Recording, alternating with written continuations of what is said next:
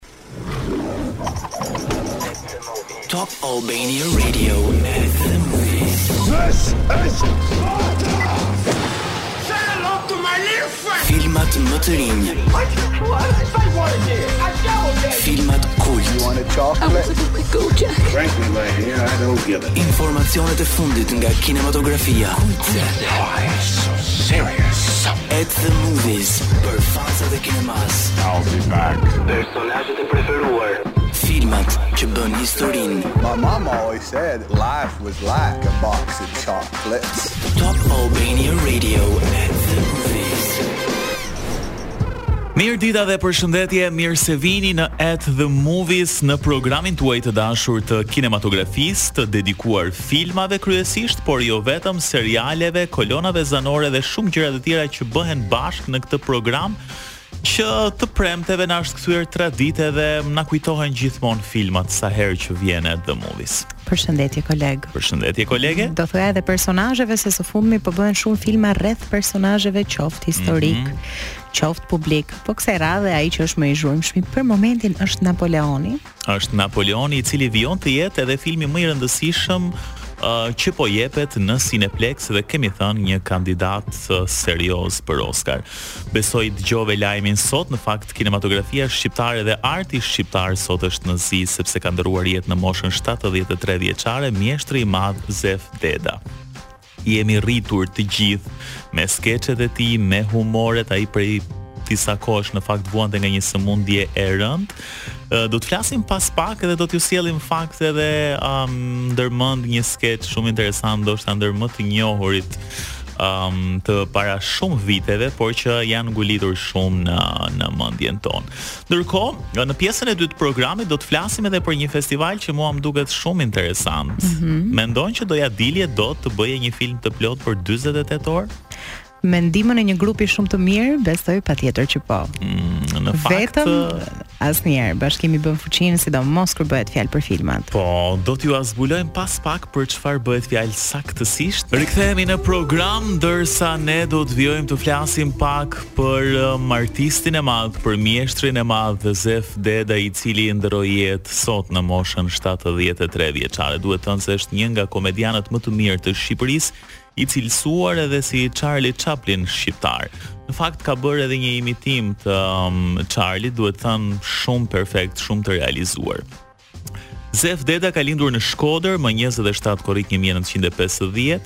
U shkollua në qytetin e tij të lindjes, ndërsa ka studiuar për gjuhë letërsi. Ka punuar për më shumë se 40 vite në Teatrin Migjeni të Shkodrës, ndërsa talenti i tij spikati që në moshë të vogël dhe më pas natyrisht Ai u shpërnda në të gjithë Shqipërinë, në të gjithë trevat shqipfolëse, duke marrë pjesë më pas në shumë realizime, edhe në filma, në programe të ndryshme në televizion të humorit, ndërsa unë kam përzgjedhur një material të shkurtër që t'jua rikujtojmë pak dëgjuesve, është ajo që ne e njohim Kunati i shokut Xhemal, ndoshta shumë prej jush e dini edhe përmendësh, po ta dëgjojmë pak. Mirë njejtë dashurron njeriu. Qa thë mëtëre mëtëre. Eh, motër, motër.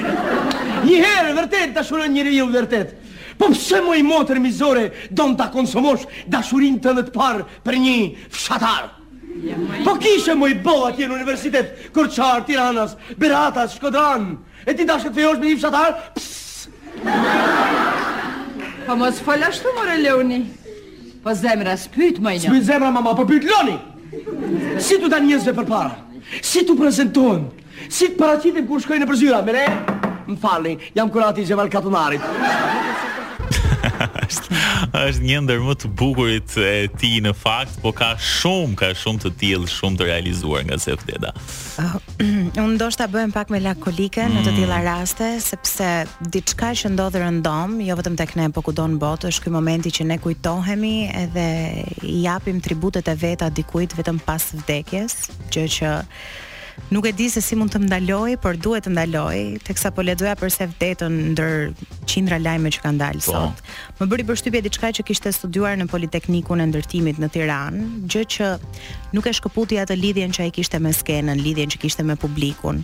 Edhe është vërtet ai mesazhi që ai hobi, ai pasioni, ajo gjëja që ta mban shpirtin gjallë, paçka se ti mund të jesh në një rrugë që ndoshta nuk ndihesh se është rruga e jetës tënde, Dije se gjithmonë do t'i kthehesh asaj gjëje që ti i përket dhe do kthehesh aty ku ti e ke vendin. Edhe ai ishte një shembull besoj shumë i mirë për këtë gjënë. Absolutisht. Edhe në fakt preke një temë shumë delikate vërtet, edhe unë e, e ndjeva dhe e mendova direkt që sa artistët vlerësohen Um, ndoshta edhe në pension edhe në një moshë pak më të thyer, pra ndonjëherë i kthejmë sytë pikërisht kur ata nuk janë më, edhe ndoshta duhen vlerësuar më tepër, e duhen angazhuar më tepër është një debat që ka kohë që ekziston. Megjithatë, humori i tij absolutisht do të jetojë gjatë në mendjet e të gjithë shqiptarëve. Do të shkojmë tani ndërkohë të ndryshojmë pak atmosferën dhe shkojmë tani tek um, ajo, tek premiera e rëndësishme e Cineplexit për këtë javë. Napoleoni absolutisht që është një film i rëndësishëm edhe këtë e vërtetojnë shifrat. Vetëm ditën e djeshme në Teg dhe në QTU janë shitur mbi 2000 bileta për 24 orë, që është një shifër goxha e lartë dhe Për filma le të themi deri diku seriozë, pretendentë për Oscar, po që edhe shijohen nga publiku, janë interesantë. Më vjen mirë që ka interes për një film mm -hmm. historik, zakonisht nuk ndodh kjo, ndodh e kundërta, por kjo thjesht provon suksesin që Napoleon do të ketë. Unë faktikisht eh, kam qenë shumë e apasionuar pas historisë dhe Napoleoni ka qenë një personazh që e dashuroja kur isha e vogël mm -hmm. dhe sot thashë të shkëpusja katër fakte interesante për Napoleonin, gjëra që unë nuk i dija dhe librat tanë të shkollës nuk na i kanë mësuar. Okay. Fakti i parë interesant për Napoleonin është se ai dikur ka shkruar një novelë romancë. Është një fakt i pabesueshëm për një burrë aq të pashpirt, siç përshkruhet në librat tanë, ama letrat e tij të dashurisë provojnë të kundërtën. Do e shohim këtë anë të tijën edhe në film, këtë anën e butë, sepse e pamë që është ngacmuar pak ajo marrëdhënia me të shoqen. Mm. Por mbetet për t'u parë, nuk dimë asgjë ende ne që nuk e kemi parë, ju që e keni parë mos na thoni gjë, mos na e prishni. Napoleoni maskohej si një qytetar i thjeshtë dhe ecte në rrugët e Parisit. Këtë gjë e bënte për të zbuluar mendimin e vërtetë të qytetarëve për të, dhe pse kur e lexova shpresova një herë që ndoshta ka dalë për të parë gjendjen e qytetit, Por jo, ishte e gjitha një vendim egoist që unë duhet ta kisha pritur po, nga Napoleon Bonaparte. Edhe fakt, kjo teori është ndjekur nga shumë politikanë dhe zyrtarë më pas për të kuptuar mendimin e vërtetë të popullit. Nuk e di a e bën kryeministri jonë këtë gjë? Nuk besoj. Do doja shumë që ndoshta të dilte një herë pa shoqëruesit e tij dhe bodyguardat dhe makinat mbrapa dhe të maskohej dhe të shikonte këtë njeriun e vërtetë apo. Çfarë ndodh, Ok, ndoshta jo.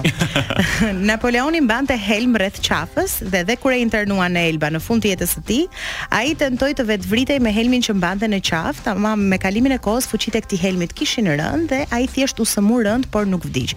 Këtë e bënte që në rast se ata do ta kapnin, ai të kishte shansin që të shpëtonte me anë të helmit të tij.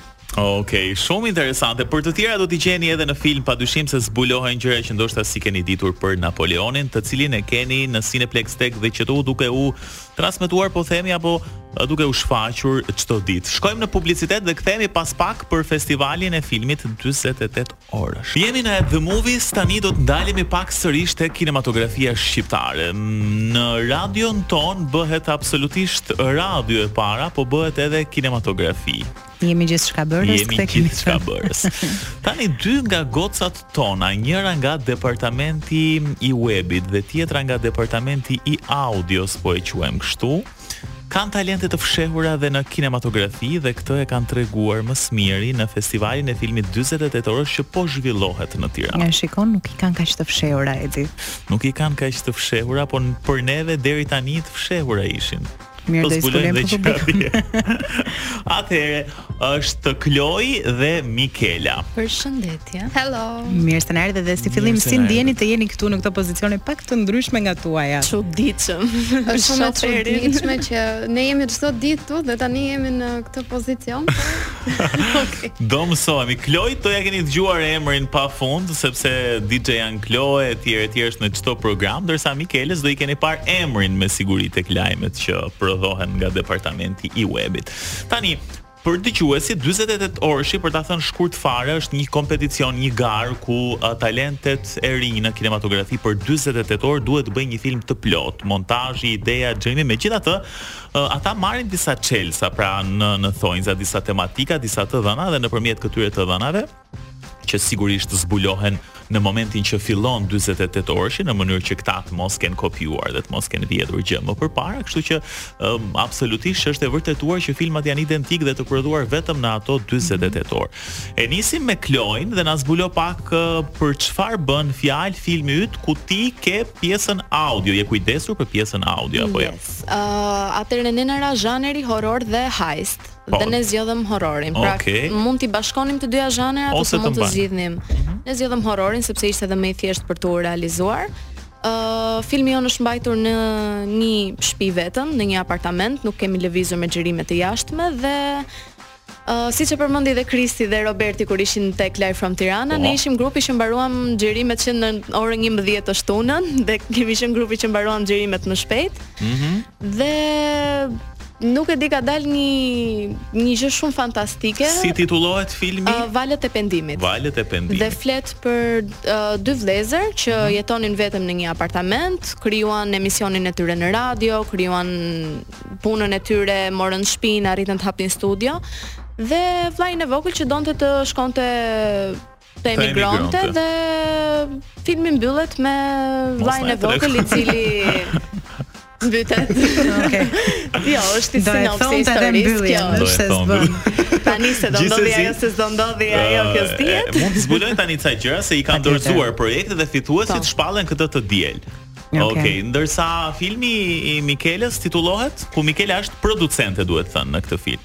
Po, filmi është në bashkëpunim me një mikeshën time mm -hmm.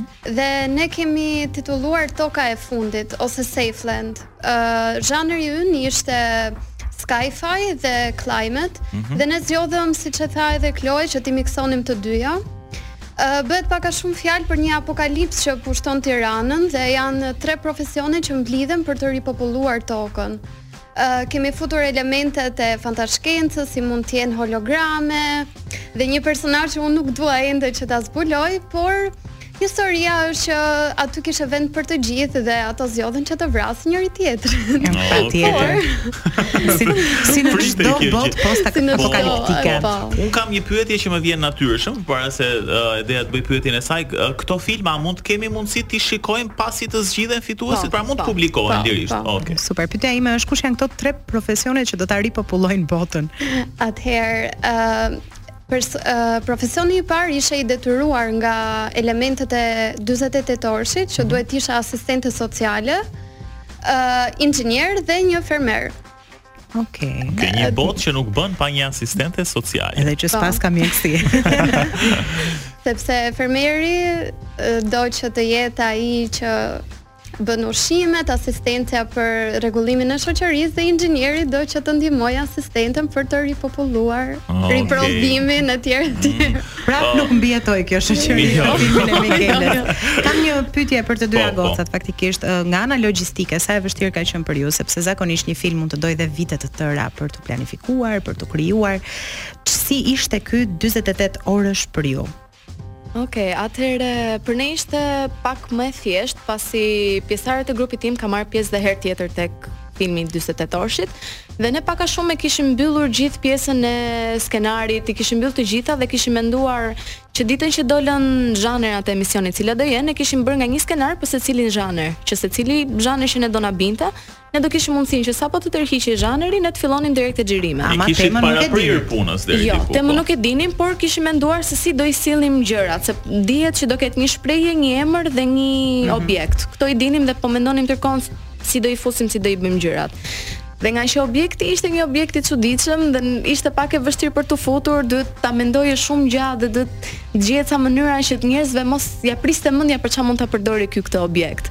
Dhe kjo ishte e vetmja pjesë që ne na kapi pak off guard, por që vajti vajti shumë shumë mirë, domethënë. Çfarë do të veçonit një gjë nga këto xhirimet se duhet të ketë qenë një rrëmujë e madhe kam përshtypjen dhe pak nxitim se 48 orë për montazh, audio dhe etj. Pra Çfarë ndodhi ndonjë gjë që mund ta veçonit ju gjatë gjithë procesit të 48 orëshit? Ke grupi jonë përveç Çdo gjë shkoi mirë? Ishte çdo gjë ok, përveç se na hëngri njëri nga tre pako salçiçe thjesht për një skenë të xhiruar sepse ne na kapte e qeshura dhe na ka lënë pa darkë atë ditë. Por... Ishte skena që ai duhet hante diçka dhe besoj nga dublat po. përfundoi pastaj. Për grupin tim doja të thoja që ishte më shumë menaxhimi i kohës në shesh Ëh domethënë si pozicion që unë isha, është pak e vështirë që ti të financosh një projekt sado i vogël që të jetë. Mm -hmm. Dhe na duheshe që i gjithë sheshxhirimi jonë ishte në një magazinë, uh, dhe imagjinoje, domethënë i ftohti, duhet të sillnim gjëra, e tjera e tjera dhe thjesht ajo ideja që sapo të mbaroje sheshxhirimin ti duhet të rrije gjithë natën për ta montuar kolore, audio, Që të dielën ta flije mendjen që ok, e kam gati dhe thjesht upload se mm, se sigurisht në këto 48 orë s'ka patur gjumë, sigurisht jo. që jo, sigurisht që jo. Gjumë. të dielën shpallen fituesit. Po. Ëm um, tani nuk e di nëse dua t'ju pyes se besoj tani secila prej jush deri diku do ndihet fituese. Po çfarë ndodh me fituesin më mirë? Më fal që të ndërpres, po, po thjesht fakti që filmi është dorëzuar në kohën e duhur, është një fitore e mjaftueshme. Po. Çfarë ndodh me me fituesin? Uh, Apo ka disa fitues në disa kategori? Ndodh një gjë që fituesi i vendit të parë merr 1500 euro, fituesi i vendit të dytë merr 1000, ndërsa fituesi i vendit të tretë merr 500. Ë uh, tre fituesit domethënë tre çmimet mhm e para shkojnë në Brazil dhe aty bëhet një konkurrencë mes tre filmave shqiptar, tre të Brazilit dhe tre të Italisë, dhe cilat nga këto filma përzgjidhen në tre vendet e para shkojnë direkte për në festivalin e Kanës. Oh, Okej, okay, që është edhe po themi pjesa më kulminante, kjo po, po. pjesëmarrja në festivalin e Kanës. Secili pjesëmarrës sado që do ishte shumë i kënaqur me një çmim të paktën skenografie ose audio më e mirë, secili synon që festivalin e Kanës, edhe pse për një vend vogël si Shqipëria është shumë e pamundur, Vetëm Gent Bejko ka shkuar tek festivali i Amerikës ndër gjithë këto vite, pra pse jo një nga grupet tona të arrijë këtë vit që të mundi dhe Brazilin dhe Italinë dhe të shkojë në Kan. Po do na bënit krenar, do na bënit krenar. Tani, për ju janë hapat e parë në kinematografi, po domethënë ne kemi patur fatin t'ju shikojmë këto ditë që keni qenë edhe këtu dhe kam parë që me shumë pasion filmi, filmi, filmi. Si Kloi dhe Mikela do ta nisni këtë rrugëtim? Pra, mbase mund kjo ideja e këtij filmi 48 orësh mund të bëhet një gjë për një film më të madh etj etj. Si e shikoni veten tuaj në kinematografi? Unë them se po. Unë them se po. Domethënë Për mua audioja e filmit është një nga gjërat kryesore, është diku te 80 90% e filmit është te audioja, mm. por që Dhe besoj është... zbulove gjëra të reja dhe po. more kënaqësi të reja duke u marrë, po themi jo vetëm me audion e radios dhe të programeve, po filmi besoj ka një po, gjë krejt. Ka një gjë komplet ndryshe dhe vura re që me gjënë më të vogël të audios mund të ndryshosh komplet historinë. Mm. Pra me një efekt ose me një sound ose me një këngë ti mund të ndryshosh gjithë ngjarjen nga çfarë ka shkruar regjizori. Dhe janë këto profesionet që ne ndoshta nuk i vlerësojmë shumë, se ok, audio e filmit na pëlqen, um, shijojmë shumë efekte, shumë gjëra, por nuk e dimë se çfarë pune fshihet pas kësaj. Mikela si producente e shef veten në të ardhmen? Atëherë uh, sheshxhirimi për mua është atmosferë, është jetë. Uh, ky nuk ka qenë projekti im i parë, pasi mm -hmm. në qershor dhe korrik unë isha pjesë në kuadër të dashurisë po. nga Top Channel Films Dhe aty ishte hera e parë që unë preka botën kinematografike nga afër dhe që atë ditë uh, jam munduar që si freelancer të jem pjesë më shumë e spoteve, reklamave që në vendin tonë janë të pakta, por doja ta finalizoja edhe me një projekt tim dhe sigurisht është pak më ndryshe të jesh producente e një filmi të vogël dhe një filmi me metrazh të gjatë, Por, duke qenë se dyzet e tetë orëshi mund ta ofrojë mundësinë që ky film i shkurtër mund të shndërrohet dhe në film të gjatë ose serial, do isha shumë e lumtur që pse jo filmi im mos të pushtonte te kinemat, mm. Cineplex për të cilat ju flisni. Shpresojmë që një ditë të jemi këtu dhe të japim premierën tënde të Cineplex. Edhe me aq sa ma ka shpjeguar Mikela nëpër korridore, ka qenë vërtet për të një dashuri mm. me shikim të parë. Po, Vetëm pyetja e fundit që kam unë, jam shumë kurioze për grupmoshat që morën pjesë. Ë a ishin mosha juaj gocat janë mjaft të vogla Chloe është 17 18 vjet po është legal Cilat ishin grupmoshat? Uh, grupmoshat ishin nga më të ndryshmet. Kishim edhe ato që ishin në profesione, për shembull, mësues ose profesora dhe thjesht e kishin si hobi të tyre që ok, në këtë pikë të jetës sime unë dua të bëj një film. Ishte një çift bashkëshortësh, ishin të rinj si puna jonë dhe secili ishte bashkuar aty për një motiv të mm, përbashkët dhe ishte shumë e bukur. Edhe këtë po e lëmë si mesazh nëse mendoni se është thirrja juaj. Po, nuk është kurrë vonë pjesë e 48 orëshit. Shumë faleminderit që ishit. Um, ju urojmë shumë suksese, fitoftë më e mira dhe urojmë që fituesi të paktën të jetë nga kjo familja jonë, nuk ka rëndësi nëse Kloja apo Mikela po të na bëjnë krenar. Kam dhe... një ndjenjë që do jetë nga ne. Shpresoj, shpresoj shumë dhe suksese në të ardhmen sa i përket kinematografisë për të dyja. Faleminderit. Shkëputemi për pak dhe kthehemi vetëm për t'u përshëndetur me ju se nuk kemi shumë kohë. Tani është momenti për të oh ndërpreva një dëgjova vetëm një Një grahmë. Aq mirë ja bëre, po aq mirë ja bëre. E di se do ta nisja me një përshëndetje, si jeni, si kaluat? Kaluat mirë? Përshëndetje. Kush e di dhe çfarë ke bërë Helios? Unë jam alter egoja ime sot. Sot do të jem në gjithë emisionin alter egoja ime. O baba ja. Do të jem Kelios. Kelios. Keli. Do më quash Keli. Okej. Redi dhe Helios do të jenë pas pak me ju në një këngë për ty, siç e kuptuat dhe nuk do shumë mend për ta kuptuar, edhe shumë po. vesh. Ë do të jemi nga ora 15 deri në orën 18 në një këngë për ty, sigurisht keni kohë edhe një 10 minuta të lezetshme të rezervoni telefonatat tuaja.